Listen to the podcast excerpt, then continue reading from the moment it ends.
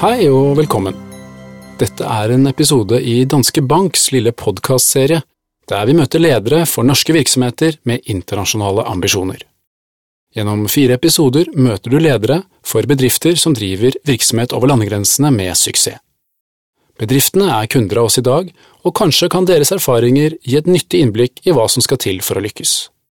Selskapet Strongpoint opplevde i hvert fall at det tok tid og mye krefter før de endelig knakk koden for internasjonal ekspansjon.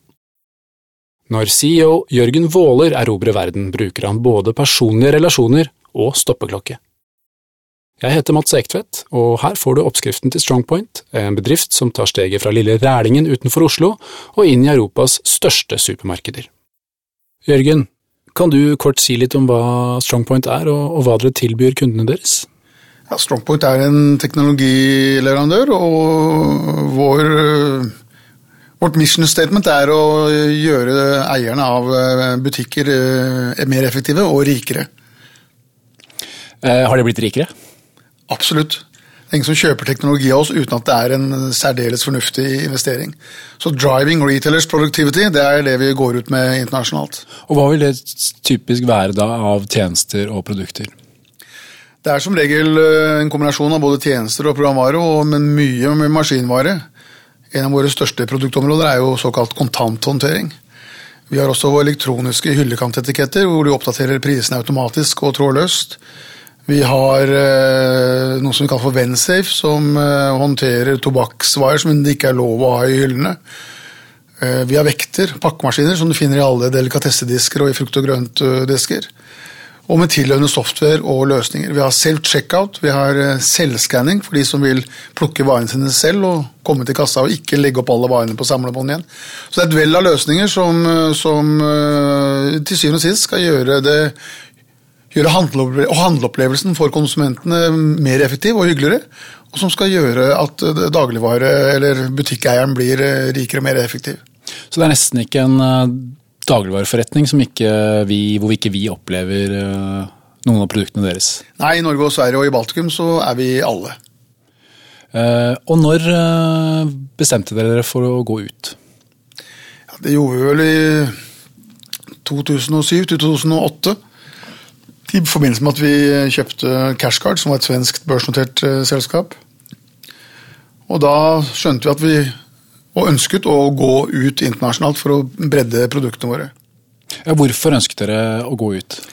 Eh, man har jo alltid eh, snakket om at kontanter skal bli borte i Norge og Sverige, i hvert fall også for ti år siden. Og vi så jo at kontanthåndtering i Europa var mye, mye større. Og det vokser jo fremdeles i særdeles kraftig grad. Så Derfor øh, var det var hovedårsaken til at vi startet med, med cashguard ute i, i, Europa. Hva er de tre si, viktigste uh, kjørereglene når dere skal inn i et nytt marked? For oss er det å ha et bevisst forhold til det vi kaller for pull-push-strategi. Du må besøke sluttkundene, dagligvarekjedene, og så må du få en god hjelp av en salgs- og- eller servicepartner, slik at når du lykkes med et salg, så skal det være perfekt utrulling. Du kan ikke bare stole på partneren. Og du kan ikke bare ha direktesalg, for da, da, da, mister du 50 eh, av dimensjonen either way. Um, og det andre er selvfølgelig å ha produkter som du vet fungerer i det markedet du skal inn i. Teknologisk og operasjonelt, og ikke minst i drift. Og da er det en kombinasjon av uh, research og tilstedeværelse som gjelder? Spesielt det siste, ja. Hvorfor spesielt det siste? Jo, for du får liksom ikke uh, Proof of the pudding er at du setter ut en par-tre maskiner av en eller annen art i en butikk. Og da er det Det skal, må bare funke, og det er, det er veldig viktig. Og um, Da får du et veldig greit signal på om det interessen er der, og så gjør vi analyser hvor vi ser på alle besparelsene og beviser da at vi kan regne det hjem for butikkeieren eller for kjeden. Det er liksom utrolig viktig. Vi må bevise ROI-et før vi går videre. Og da gjør du veldig mye arbeid før du brenner av penger på en svær organisasjon. Har du episoder, eksempler på, på nettopp dette? Ja, vi har en bensinstasjonskjede i England som vi jobber med nå. som eh, Vi står med stoppeklokker, og vi teller og registrerer at svinnet blir borte. Eh, vi måler eh, hvor lite overtid du bruker på å telle pengene, altså med andre ord null overtid i forhold til hva du gjorde uten, eller uten cashcard. Og så lager vi og presenterer det med kundens egne tall og kundens tilstedeværelse. Og da er liksom It's a no-brainer Du går videre. Er dette noe dere alltid har vært bevisst på? Nei. Er det, noe dere, nei. det er noe vi har lært de siste tre-fire årene. Få fakta på bordet. Hjelp kunden å regne det hjem. Hvordan, hvordan, skal de være, disse partnerne dine? Altså Størrelse, si litt om, om, øh, om si, favorittpartneren. Ja, Det går ikke så veldig mye på størrelse, jeg tror det går mer på dedication. altså hvor, hvor viktig våre produktgrupper blir i deres uh, businessmodell. Uh, slik at de fokuserer mer og mer på oss kontra de andre agenturene som de har hatt fra før av. Men det er klart viktig at de har en relasjon med først og fremst dagligvarebransjen. Har nettverket til operations og innkjøpere og butikksjefer i den og den kjeden. Det er viktig. De må skjønne retail. Men i Frankrike så ble du litt overrasket. Fortell om det. Ja, Det var vel både positivt og negativt. Vi hadde en, som sagt, en veldig stor partner, men han hadde så mye andre produkter og løsninger og systemer som han måtte håndtere, at, han, at det vi presenterte, det var ikke viktig nok for han. Men på den annen side så traff vi da en liten partner på en 10-12 mann som bare drev med bakerier. Og hvor vårt produktområde ble større og større og viktigere og viktigere. Så han, nå har det blitt et gjensidig avhengighetsforhold. Og det har vært en suksess? Kjempesuksess. Og i Tyskland, hva funka der? Ja, Det som funket der, var at vi hadde litt flaks med piloten, at vi fikk en utrulling i første omgang. Men så var vi altfor dårlige til å følge opp. Vi hadde ikke noen god servicepartner. Slik at de ble hengende litt i løse lufta med sine og tekniske problemer, som det ofte alltid er. Så mm, der har vi egentlig begynt å bygge opp helt på nytt igjen med vår egen organisasjon. Eh, og med nye partnere fra scratcha, som vi har med ut til de nye dagligvarekjedene. Så Tyskland har egentlig vært den største utfordringen for ja, dere? Ja, det er helt riktig. Tatt penger i mange, mange, mange år. Og kunne det vært gjort annerledes? Ja, for det første så ville vi eh, jobbet mye mer med å få den riktige servicepartneren. Eh, for det andre, så med den muligheten som finnes i Tyskland, så ville vi nok bygd opp en egen organisasjon litt, eh, litt raskere. Litt mer fot på bakken. Litt flere direkte kundemøter. Hvorfor ble ikke det gjort, tror du, den gangen? Det er vanskelig å si. Vi har jo vinglet fra å være en 100% partnerdedikert organisasjon, hvor du sitter i Oslo og Stockholm og, og følger opp partnerne, til for noen år siden å nesten bare selge direkte, til nå å virkelig finne nøkkelen på kombinasjonen. Så det er derfor ikke noe tvil om for oss at du må gjøre begge deler. Du må besøke sluttkundene, du må ha pilotinstallasjoner, du må kjenne beslutningsprosessene, du må kjenne hvordan retail operations er i denne kjeden, og så må du ha en gode servicepartnere som kan hjelpe oss med dette her sånn. Um, så nå uh, er dere på vei inn i et uh, nytt marked, så vidt jeg vet, stemmer det? Ja, Sørøst-Asia ja. er jo det siste grepet vårt, hvor vi nå er syv ansatte i Kuala Lumpur. Og også har et kontor i, i Singapore. Og Hvordan angriper dere det? Nettopp sånn som vi har uh, trodd og lært, at vi har uh, gode servicepartnere som vi har i bakhånd med en gang vi får til en utrulling. Uh, og så besøker vi sluttkundene selv, kjører pilotinstallasjonen selv, følger opp daglig. Helt til vi er sikre på at dette her er bra. Og, og, lager også, og bygger opp organisasjon? Hva sier du? Og bygger opp en egen organisasjon? Det har vi allerede gjort, ja. Mm. som vi alltid sier, er at hvor kunder skjønner ikke helt hva slags leverandør de har før noe går gærent. Og det er da vi virkelig viser vår styrke og vår evne til å løse utfordringer og jobbe døgnet rundt det er på plass. Og det er der servicepartneren kommer inn? Det er servicepartneren kommer inn, som vi da styrer sammen med servicepartneren. Og hvor vi er på tå hev hele tiden. Så, så mennesker og serviceinnstilling er enormt viktig. Som i alle andre bransjer. Og så legger du vekt på å skape en sosial relasjon til eh, både servicepartner og, og eventuelt salgsorganisasjon, eh, lokale eh, partnere. Ja, det er, det, det er viktig. Altså, du, du, reiser ikke til partnerne dine i Barcelona uten å vite navnet på fem av fotballspillerne i Barcelona. Du ringer ikke til Johannesburg uten å fortelle om han som vant 400 meter i OL i Rio, og gratulere med verdensrekorden der. ikke sant? Hvorfor, hvorfor det? Det skal jo selge kontanthåndteringssystemer Du skal vise at du bryr deg om kulturen deres og landets prestasjoner, som vi vet de er stolte av. Vi føler at det er viktig, og vi, vi eh, er, eh, tror vi, gode på det. Og vi vet at det skaper tettere personlige relasjoner. Det er også lettere å håndtere problemer i etterkant. Har du eksempler på det? Nei, Ikke annet enn at i de gangene vi er bevisst på det, så, så har vi altså trofaste og lojale partner. Så De ser ikke på konkurrerende utstyr, f.eks. Så kan du si hvor mye skyldes teknologien, hvor mye skyldes at det er en ok prismodell som gjør at de tjener penger, og hvor mye skyldes personlige relasjoner og sosial øh, omgang og intelligens. Det er vanskelig å måle, men det er en pakke. Um, når har du blitt overrasket? Ja, Vi har jo blitt overrasket i Sørøst-Asia et par ganger, hvor vi trodde ting skulle gå mye fortere. Eh, hvor man muntlig får beskjed om at ja, dette er i boks, og her eh, kan dere vente en purchase order når som helst. Men så går, er det et hierarki og et system og en beslutningsprosess som er mye tyngre og vanskeligere enn vi trodde. Og så tar det fryktelig, fryktelig lang tid. Om jeg er overrasket eller ikke, jeg er overrasket basert på de signalene vi har fått. For hvis vi hadde fått tilsvarende, eller når eller de gangene vi har fått tilsvarende signaler i Europa og i Norge og Sverige, så blir det ordre. Det har ikke skjedd der nede. Ennå. Er det en tøff bransje? Det er jo kremmere du har med å gjøre? Ja, du er jo aldri noe kjempekonge når du snakker med Carrefour eller Ahol eller for så vidt ICA og Norgesgruppen, men eh, eh, Sunn fornuft og, og argumentasjon og analyser, det kjøper de som regel. Er det lett å få litt for stor respekt, kanskje? Ja, men det skal du ha. Det syns jeg er sunt. Det skal sitte litt i ryggmargen. Men mange av våre ledere er jo, har jobbet i dagligvare og retail selv, så de vet jo, de kan sitte og, og si at de har sittet på andre siden av bordet og skape en relasjon på den måten også. Du må ha en innstilling som uh, gjør at du ikke gir opp. Du må tåle en trøkk eller to, og du må stå på, og du må ha antagelig starte med, eller det gjør vi, vi starter med en veldig bred hva skal vi si, prospektportefølje som må inn i trakta. Og mange nei-telefoner, men dess flere du ringer, dess mer får du på frokostmøter og seminarer.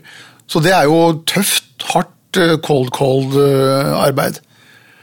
Eh, og så må du være innstilt på å jobbe på kryss og tvers, også i Strongpoint-organisasjonen. Du må hente hjelp og støtte der du kan få det, enten det er helt bak i R&D, eller at jeg er på supply chain, eller det er hos marketing.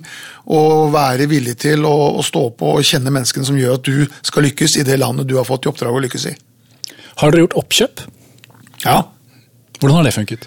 Eh, men vi har ikke gjort oppkjøp i mm, Europa ennå. Vi startet jo i Sverige, og så har vi gjort det i Baltikum for to år siden.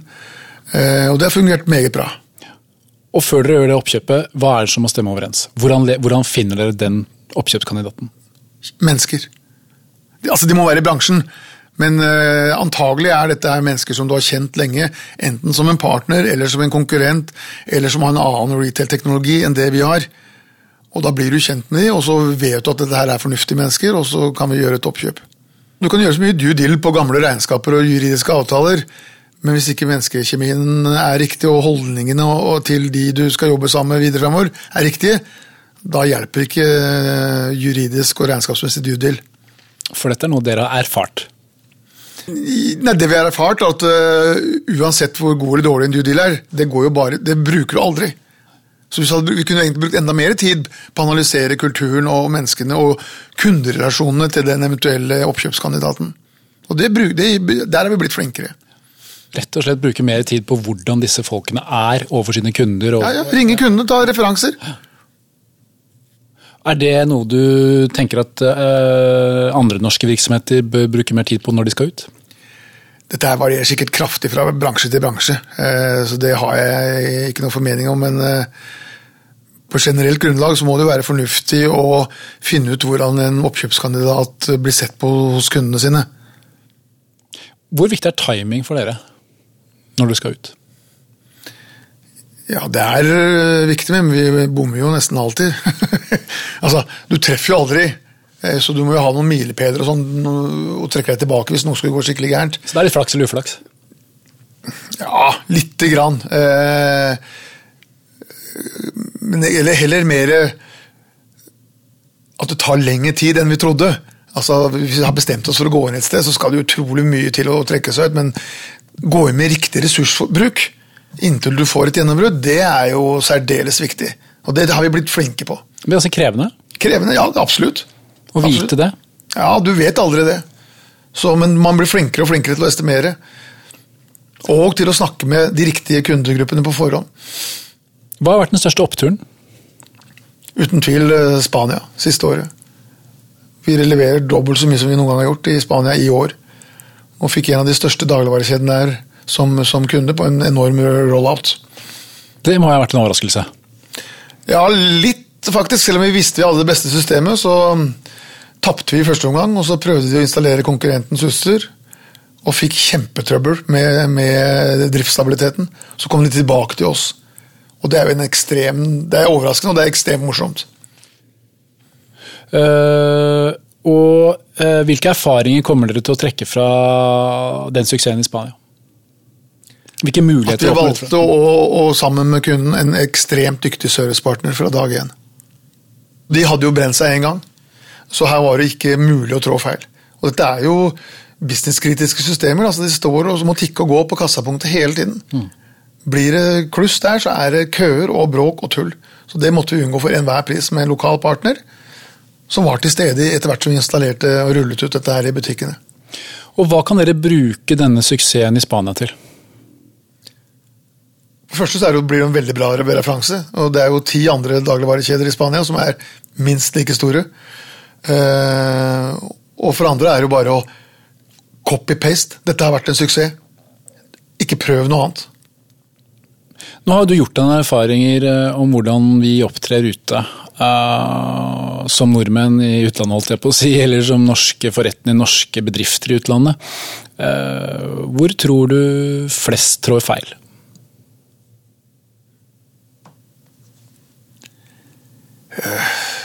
Det jeg vet egentlig ikke. Eh, hvor tror jeg flest trår feil?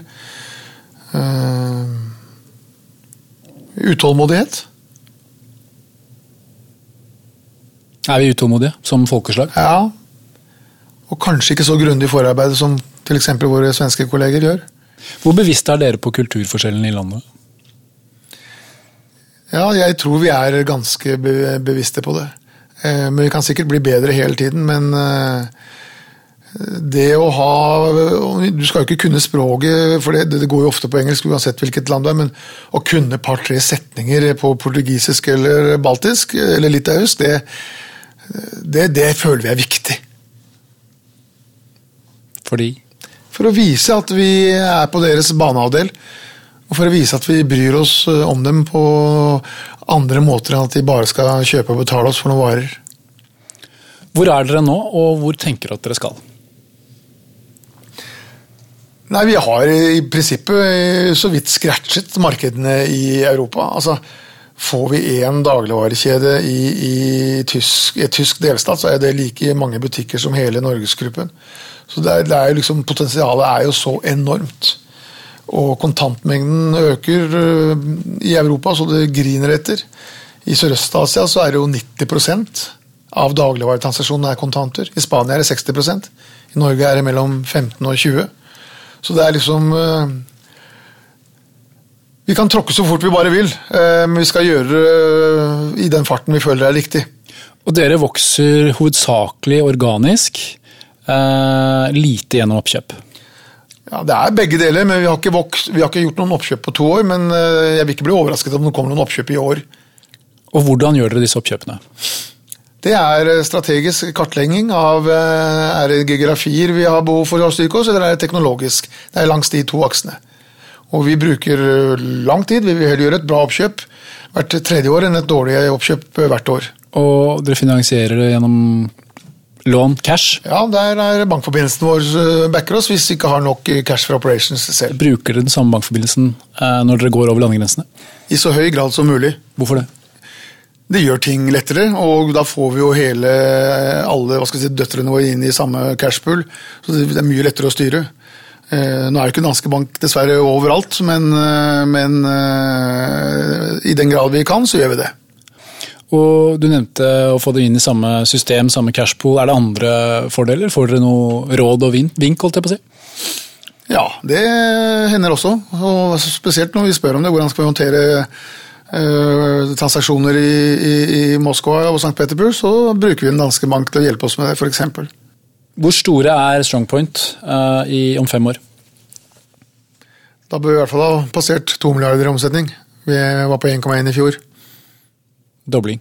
I hvert fall. Det skal stå en bauta utenfor inngangen vår på Rælingen, og der skal det stå 'We used to be small'. Tusen takk skal du ha, Jørgen. Det var en uh, fin oppsummering.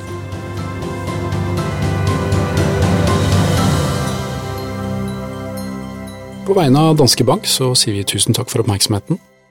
Håper det var nyttig, og at du kanskje ble litt inspirert til å stå på videre i egen virksomhet, og kanskje fikk du også noen internasjonale ambisjoner hvis du ikke hadde det fra før. Jeg heter Mats Ektvedt, og hvis du har lyst til å høre flere av våre podkaster om virksomhet over landegrensene, så finnes de også på iTunes og Soundcloud. I disse programmene møter du Siv Ødegård i Link Mobility, Jørgen Våler i Strongpoint og Øystein Økland i Norstat. De forteller om sine utfordringer og erfaringer ute i verden.